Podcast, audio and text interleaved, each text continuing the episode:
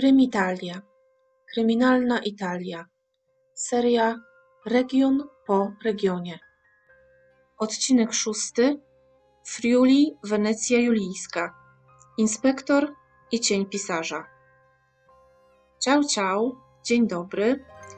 Bardzo dziękuję za wszystkie Wasze komentarze, subskrypcje, polubienia i oczywiście zachęcam do dalszych częstych interakcji z moim kanałem i jego zawartością, jeśli tylko macie na to ochotę i jeśli Wam się podoba.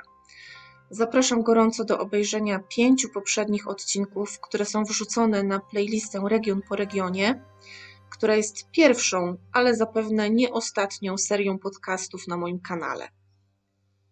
A dzisiaj pozostajemy na północy Włoch, tym razem w regionie Friuli Wenecja Giulia, czyli Friuli Wenecja Julijska, położonym w północno-wschodniej części Włoch z dostępem do Morza Adriatyckiego.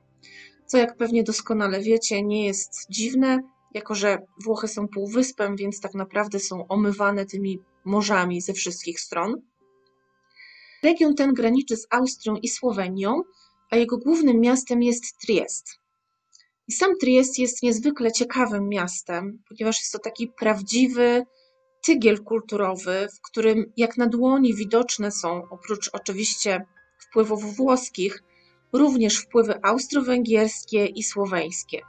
Dowodem na to jest chociażby największa we Włoszech liczba świątyń przeróżnych wyznań, która się znajduje właśnie w Trieście, oraz największa w Europie synagoga. Oprócz świątyń, zabytków i tego wielokulturowego klimatu, można tutaj również spróbować dobrych rzeczy. Vanity Fair w artykule z 2018 roku poleca na przykład koniecznie spróbować triesteńskiej kawy, która tradycyjnie podawana jest z czekoladką, lub austro-węgierskich słodyczy z alkoholem.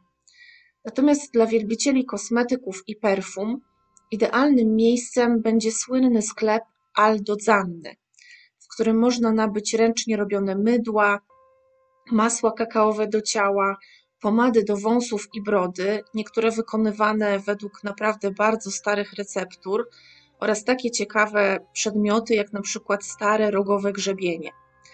A kto lubi w ogóle antyki, stare przedmioty, różne bibeloty, to w Trieście znajdzie mnóstwo miejsc z takimi właśnie rzeczami, jak porcelanowe figurki, drewniane aniołki vintage czy stare meble. To właśnie w tym urokliwym, słynącym z różnorodności i mieszanki kultur mieście, a dokładniej w dzielnicy Rojano przy Via Giusti 16, mieszka emerytowany inspektor policji, który nazywa się Arnaldo Franceschino.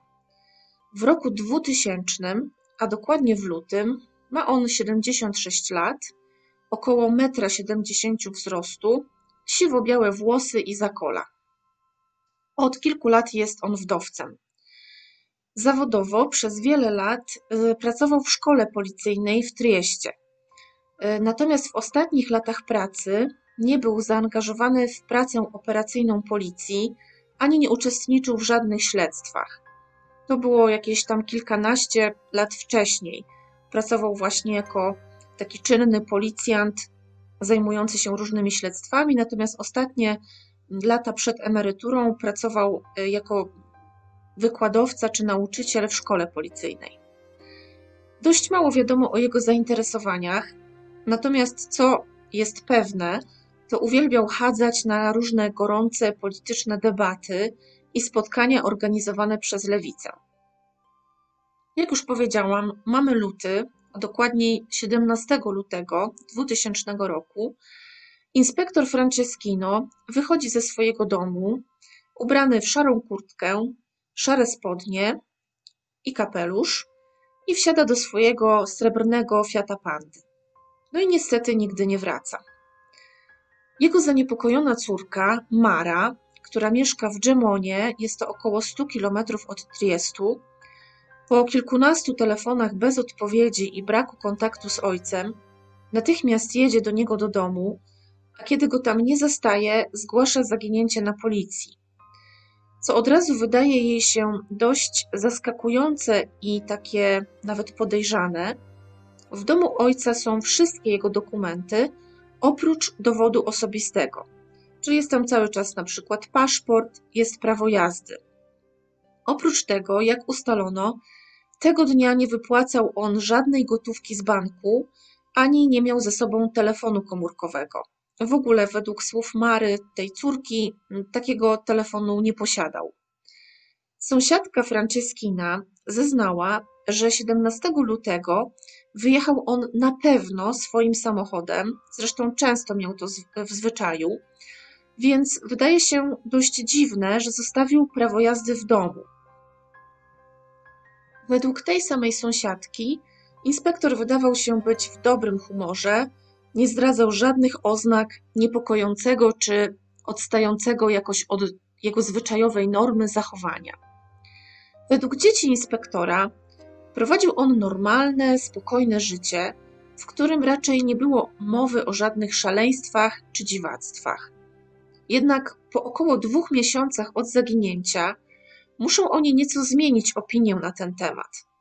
Bowiem po pierwsze, wychodzi na jaw, że Franciskino często bywał w nocy w niewiadomych celach w okolicach dworca kolejowego w Trieście, natomiast z bilingów firmy Telekom, jakie uzyskała córka inspektora, wynika, że ojciec dzwonił w dość zaskakujące miejsca. Zgodnie z ustaleniami firmy telekomunikacyjnej, były to krótkie, maksymalnie dwuminutowe rozmowy, które odbywały się co około 15 dni. Sam fakt prowadzenia takich rozmów nie jest oczywiście niczym anormalnym czy podejrzanym. Natomiast miejsca, do których dzwonił Franceschino, już trochę tak. Były to mianowicie telefony do Syrii, Libanu, Pakistanu, Rumunii i Holandii. A jak wynikało z wiedzy dzieci inspektora, nie miał on żadnych znajomych ani rodziny nigdzie na Bliskim Wschodzie czy w Europie Wschodniej. W każdym razie o niczym takim nie wspominał nigdy ani słowem. Co jeszcze dziwniejsze, córka zaginionego, Mara, próbowała się dodzwonić pod jeden z tych tajemniczych numerów. Wybrała numer rumuński, ponieważ miała znajomego, który znał ten język.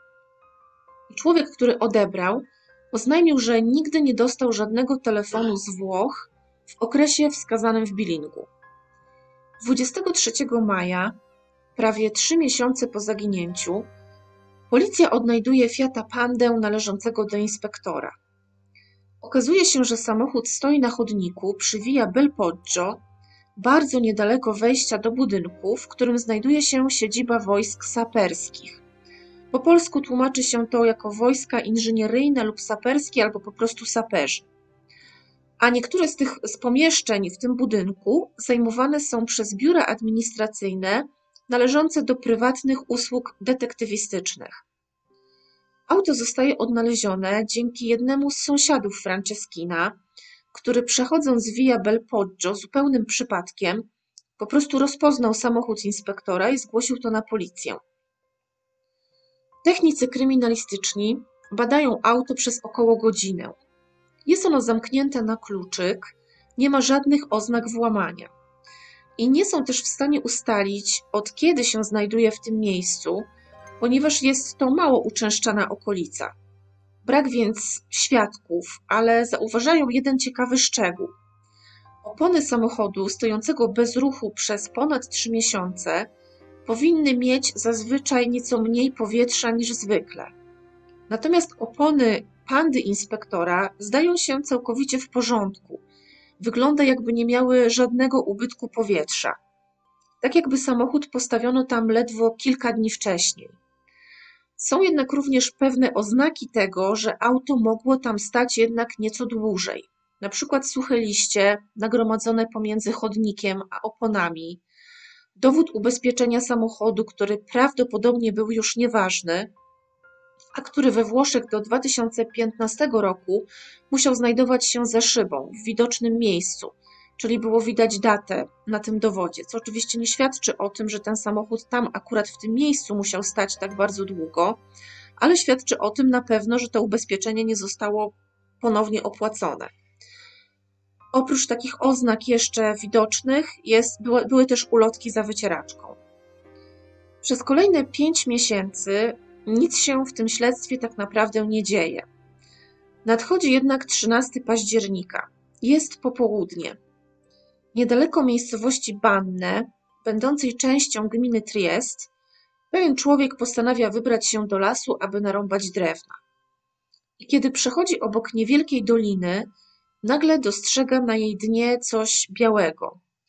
Miejsce jest zacienione, więc nie widzi zbyt dokładnie, ale znalezisko na tyle go intryguje, że postanawia zejść niżej i zauważa, że są to podeszwy mokasynów.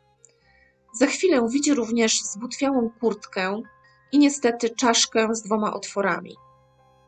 Mężczyzna natychmiast udaje się do najbliższej budki telefonicznej i zawiadamia służby. Przez telefon nie podaje swojego nazwiska, przedstawia się jedynie jako właściciel terenu, opisuje szczegółowo miejsce odnalezienia zwłok i rozłącza się. I więcej tak publicznie o tym człowieku nic nie wiadomo.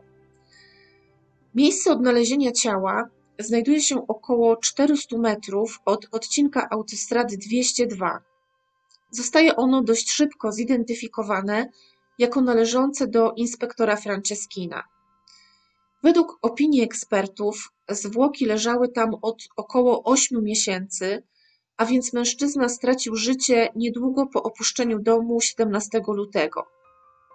Ślady na ciele wskazują na użycie przemocy i na udział osób trzecich. Ze wstępnych oględzin wynika, że na karku inspektora znajdują się dwa otwory, które mogły powstać przy użyciu młotka lub lewarka, albo tak na pierwszy rzut oka mogły to być również rany wylotowe po postrzałach w twarz. Świadczy o tym m.in. kształt otworów, które są okrągłe i wydają się kompatybilne z nabojami pasującymi do pistoletu kalibru 38 lub 45. Zgodnie ze wstępną rekonstrukcją wydarzeń, inspektor Franceschino mógł zostać postrzelony w usta lub w prawy oczodół. Natomiast drugi z tych otworów w, w czaszce, ten o bardziej trójkątnym kształcie, mógł powstać po prostu w następstwie pierwszego. Mógł zostać spowodowany odpryskiem kości. W okolicy miejsca zbrodni nie odnaleziono jednak żadnego możliwego narzędzia zbrodni. Fakt, że Fiat Panda inspektora został zaparkowany w Trieście, może świadczyć o tym, że mężczyzna pojechał z kimś swoim samochodem w okolice miejsca, w którym następnie został zamordowany, a później zabójca odstawił po prostu auto sam z powrotem do Triestu. Co ciekawe, no ale raczej nie zaskakujące, na kierownicy Fiata Pandy nie znaleziono absolutnie żadnych odcisków palców, nawet tych należących do, do inspektora. Tak jakby zarówno on, jak i ktoś trzeci prowadził auto na przykład w rękawiczkach, albo tak jakby ktoś bardzo dokładnie oczyścił auto ze wszystkich najmniejszych śladów. Kluczyki do auta zostały odnalezione zaledwie kilka dni przed odkryciem ciała Franceskina. Ktoś wrzucił je pod jakiś przypadkowy samochód, zaparkowany również przy Via Belpoggio. Jakiś przechodzień po prostu znalazł je i odniósł na policję. Ale na początku nikt nie mógł przypuszczać, że są to kluczyki od pandy inspektora, odnalezionej pięć miesięcy wcześniej. Ostatecznie, po dokładnej sekcji zwłok, lekarz sądowy stwierdza, że Franceschino nie został zamordowany strzałem z pistoletu, ale raczej silnym uderzeniem w tył głowy zadanym młotkiem murarskim lub lewarkiem. Zabójca podszedł do niego od tyłu i wymierzył cios tak silny, że przebił czaszkę w dwóch miejscach. Drugi otwór, tak jak już wcześniej zauważono, ten o trójkątnym kształcie, nieznacznie wgłębiony, powstał w konsekwencji pierwszego, który był okrągły i miał średnicę około centymetra.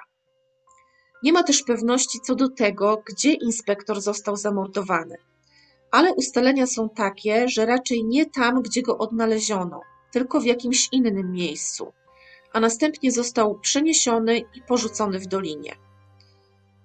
Oprócz tego, że samochód Franceskina był wyczyszczony z jakichkolwiek śladów, również w ubraniach inspektora nie znaleziono kompletnie nic ani dowodu osobistego, ani portfela, co może świadczyć o dość profesjonalnym sposobie działania mordercy. Również to, że osoba ta porzuciła ciało w bardzo ustronnym i rzadko uczęszczanym miejscu, kupiło jej tak naprawdę dużo cennego czasu i może wskazywać na kogoś, kto dobrze wszystko zaplanował, a nawet na kogoś, kto orientuje się w działaniach policji i techników kryminalistyki. Miesiąc po odnalezieniu ciała inspektora, w listopadzie, spoczywa ono jeszcze w kostnicy przy Via Costa Lunga. I ktoś wtedy właśnie się do tej kostnicy włamuje. Nie ma natomiast informacji, czy cokolwiek stamtąd zginęło i czy zatrzymano sprawcę, no i oczywiście, czy miało to włamanie związek ze śmiercią inspektora.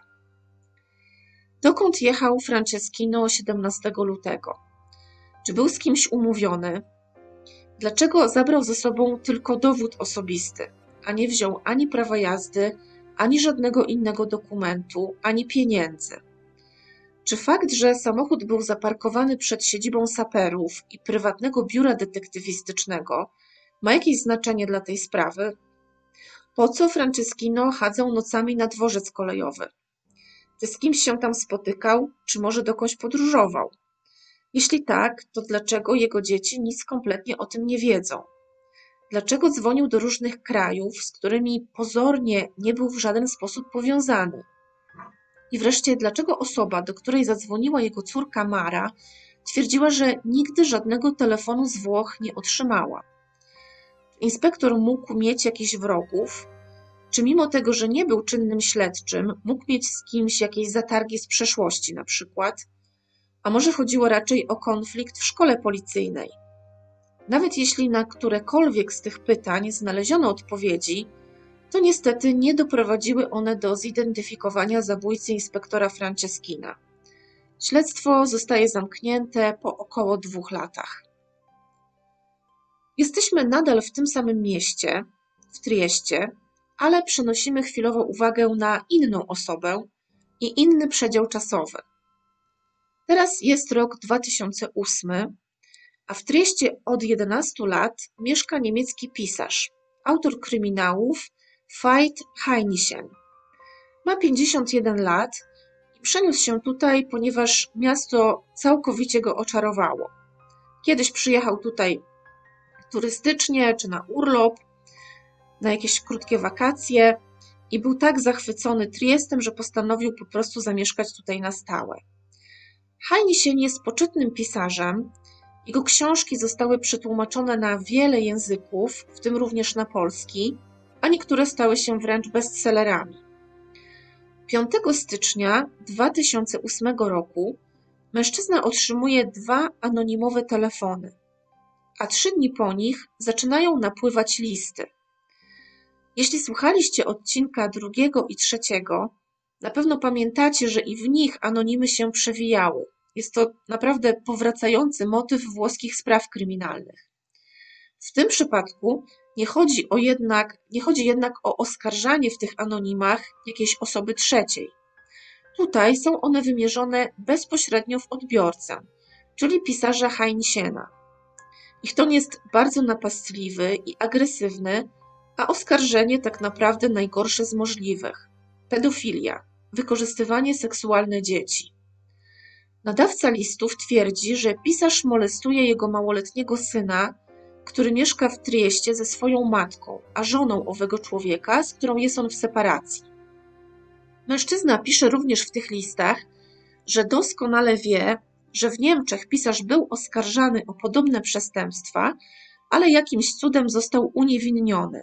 Jednak ponieważ stracił twarz w swoim kraju, dlatego postanowił się przenieść do Włoch i zamieszkać w Trieście. Tutaj niestety dalej uprawia swój haniebny proceder, według autora listów, chroniony przez pewne kręgi i lokalną prasę. Przekaz jest dość jasny.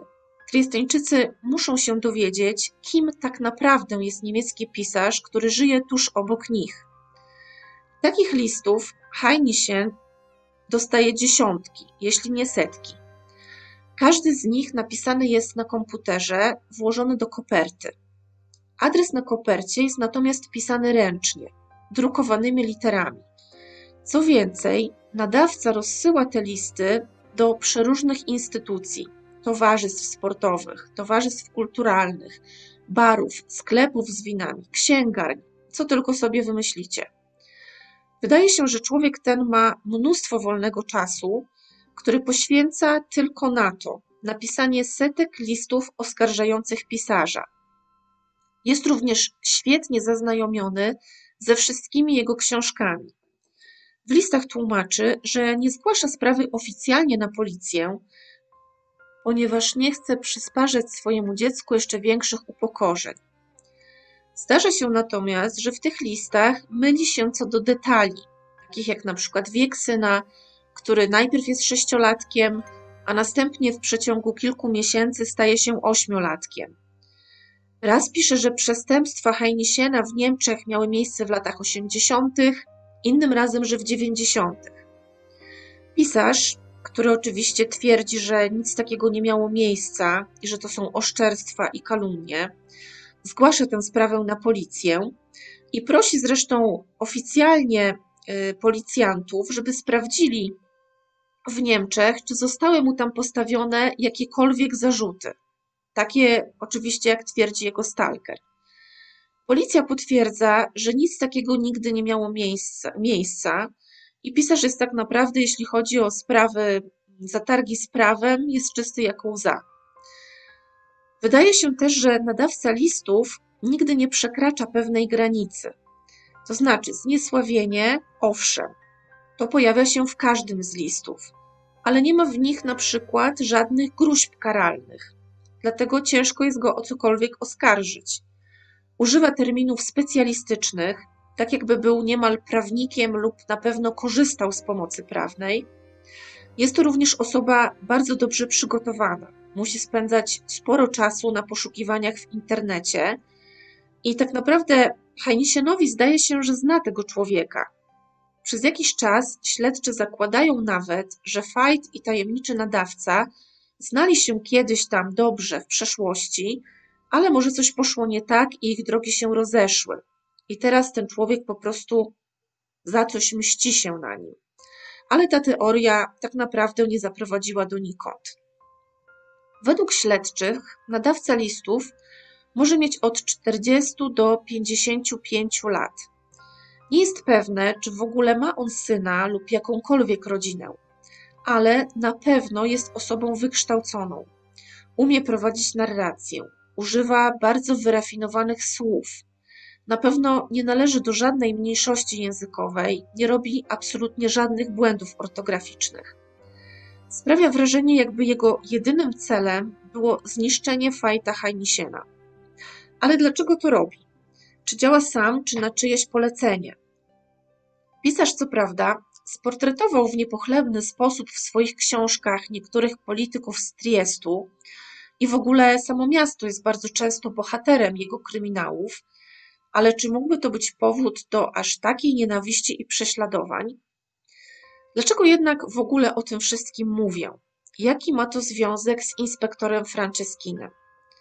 Taki, że w 2009 roku w jednym z listów mężczyzna, którego sam pisarz nazywa cieniem, twierdzi, że jest on przyjacielem Arnalda Franceschina.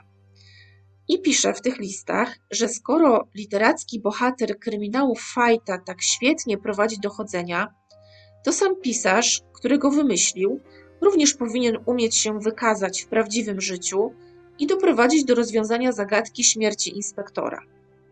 W kolejnym z listów cień nawiązuje do tajemniczych telefonów za granicę, które Franceschino wykonywał przed śmiercią. Była to informacja poufna i tak naprawdę niemal nikt o tym nie wiedział w czasie śledztwa. I między innymi dlatego oraz z powodu ciągłych wzmianek na temat Franceschina w listach tego człowieka, policja podejmuje decyzję o wznowieniu śledztwa w sprawie śmierci inspektora. Zaczynają od zbadania próbek DNA pobranych ze śliny z niedopałków papierosów i maleńkich kawałków skóry ze szmat znalezionych w pandzie. Wcześniej, podczas trwania śledztwa, wszelkie informacje przekazywane do wiadomości publicznej nie ujawniały obecności żadnych śladów w samochodzie. Jednak okazuje się, że jakieś próbki udało się pobrać. Zostały one już wtedy zbadane, ale nie przyniosło to niestety oczekiwanych rezultatów. Teraz natomiast, po prawie dziewięciu latach, historia niestety również się powtarza. Tożsamość sprawcy, do którego prawdopodobnie należą pobrane ślady biologiczne, pozostaje nieznana. W tamtym czasie we Włoszech nie istniały żadne bazy zawierające DNA przestępców i jedynym sposobem zidentyfikowania sprawcy na podstawie materiału DNA było po prostu porównanie próbki z osoby, e, próbki osoby oskarżonej czy podejrzewanej. A w 2009 roku nikogo takiego w sprawie inspektora nie było. Z tego co wiem, to też dopiero od niedawna na przykład w Stanach Zjednoczonych śledczy już korzystają z tych komercyjnych baz danych DNA, do których tak naprawdę każdy może wysłać swoją próbkę w celu na przykład sprawdzenia swojego pochodzenia genetycznego. I w ten sposób udało się już na pewno złapać y, kilku przestępców poprzez dotarcie na przykład do ich bliskich krewnych, właśnie przez taką bazę DNA komercyjną. No ale niestety w tym przypadku żadnego dopasowania nie odnaleziono. Autor listów uważa jednak, że aby dopaść mordercę inspektora, wystarczy tak naprawdę bardzo niewielki wysiłek. Według cienia należałoby podrążyć temat homoseksualizmu Franceskina, a zwłaszcza kontaktów, jego kontaktów z byłym kolegą z pracy, który w roku śmierci inspektora był jeszcze czynny w służbie i którego wszyscy w pracy uważali za cynicznego, pozbawionego sumienia geja. Człowiek ten miał być zamieszany w proceder nielegalnej imigracji, brał niemałe pieniądze za wpuszczanie różnych ludzi do Włoch, a do rozmów z pośrednikami w różnych krajach miał on właśnie używać telefonu inspektora Franceskina. I według nadawcy tych listów, to właśnie on zamordował inspektora, a powód miał taki, że bał się, że ten po prostu wmiesza się do jego interesów, ponieważ stali za nim potężni przyjaciele, w tym pewien sędzia z Triestu, nigdy nie został on ukarany. Wszystkie te rewelacje cień ogłasza w swoim ostatnim liście z 23 maja 2009 roku. Nie ujawnia jednak tożsamości domniemanego mordercy. To zadanie zostawia Fajtowi Hajnisienowi, autorowi kryminałów. No i to by było na tyle. Do dziś nie wiadomo, kim był autor anonimów, który dręczył pisarza przez półtora roku. Czy naprawdę znał Arnalda Franceschina lub wręcz był jego znajomym? Jeśli faktycznie miał informacje o jego śmierci, dlaczego ich nigdzie nie zgłosił? Czy mogło chodzić o jakiś motyw seksualny w tej zbrodni, to znaczy relację homoseksualną ze skorumpowanym policjantem? Dziwne telefony za granicę i te nocne spotkania na stacji kolejowej, do których podobno dochodziło, pasują również do wersji o sprowadzaniu nielegalnych imigrantów. No i przykro mi, że znowu Was zostawiam na rozmyślaniach o sprawie, która tak naprawdę jest jedną wielką zagadką i w której ofiara nie doczekała się sprawiedliwości. Ale zgodnie z mottem tego kanału, historia istnieje, dopóki o niej mówimy. Tak więc mam nadzieję, że chociaż w taki sposób upamiętniamy osobę, która zasługuje na prawdę, nawet jeśli ta prawda nigdy nie wyjdzie na jaw. Jeśli macie ochotę, zajrzyjcie sobie do książek Fajta Heinisiena, które są, tak jak wspomniałam, przetłumaczone na język polski. I przekonajcie się, czy faktycznie Triest jest bohaterem jego kryminałów, czy są tam jakieś wzmianki o różnych triesteńskich politykach, takie niepochlebne, i czy gdzieś w tych książkach odnajdziecie jakikolwiek powód tego, że pisarz był tak przez tak długi czas prześladowany przez nieznajomą osobę? I czy znajdziecie może jakiekolwiek powiązanie, czy jakąkolwiek wskazówkę prowadzącą do takiego przekonania, że mógł on w jakikolwiek sposób pomóc w rozwiązaniu zagadki śmierci Arnalda Franceskina? Jestem ciekawa, sama to sprawdzę. A już wkrótce sprawa z Lazio, czyli Lacjum.